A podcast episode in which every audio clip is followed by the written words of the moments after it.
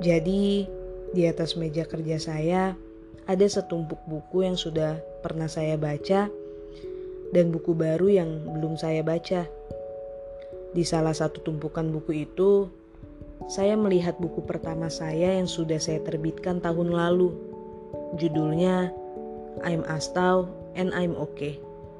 Di mana buku itu menceritakan kisah hidup saya sejak kecil hingga masa kuliah. Di salah satu babnya, saya menceritakan soal luka. Luka yang pernah saya dapatkan ketika saya masih kecil dulu. Luka yang mungkin bagi sebagian orang, bila membaca atau mendengar ceritanya, akan berpikiran, "Ah, luka gitu doang, ada yang lebih parah daripada kamu." Tapi di sini bukan itu yang ingin saya bahas bukan soal bagaimana saya mendapatkan luka seperti yang saya tulis di dalam buku saya sendiri. Di sini saya ingin membahas lebih dalam lagi soal luka, bukan luka yang terlihat seperti yang terdapat di dalam buku saya itu. Namun, di sini saya akan membahas luka yang tidak terlihat, yang biasanya luka itu sering diabaikan oleh orang yang sedang merasakannya, termasuk saya sendiri. Pasti pernah di antara kamu yang sedang mendengar podcast ini mendapatkan luka yang tidak terlihat, bukan? Di mana luka itu kadang yang dipikir sudah sembuh, ternyata justru makin menganga lebar di dalam diri kamu. Kenapa bisa begitu? Karena jawabannya hanya satu kita terlalu membiarkan dan mencoba melupakan luka yang tidak terlihat itu. Padahal, sama seperti luka yang terlihat, layaknya goresan yang ada di tangan akibat terkena mata pisau, kita pasti akan segera membersihkan dan sesegera mungkin untuk mengobati luka tersebut. Tapi sayangnya, masih banyak di antara kita yang tidak melakukan hal yang sama terhadap luka yang tidak terlihat itu.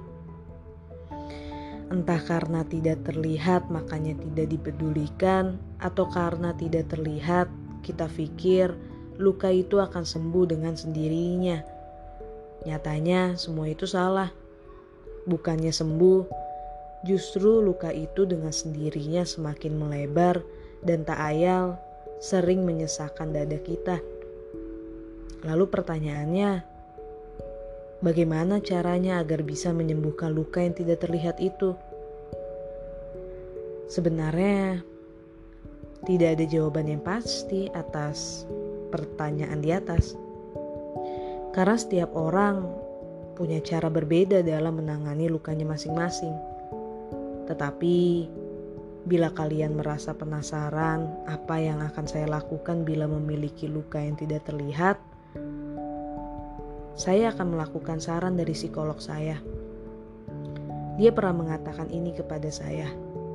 Bila kamu sedang terluka, bila kamu sedang merasa sakit, dan bila kamu sedang merasa sedang tidak baik-baik saja, jangan pernah untuk menolak apa yang kamu rasakan itu.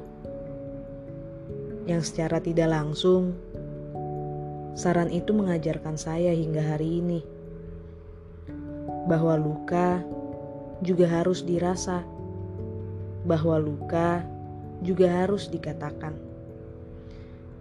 Dan walaupun luka itu mungkin saja masih meninggalkan bekas yang tetap di suatu tempat terdalam di diri kamu atau di diri saya sendiri, luka yang tidak terlihat itu juga berhak untuk mendapatkan obat yang sama seperti luka yang terlihat.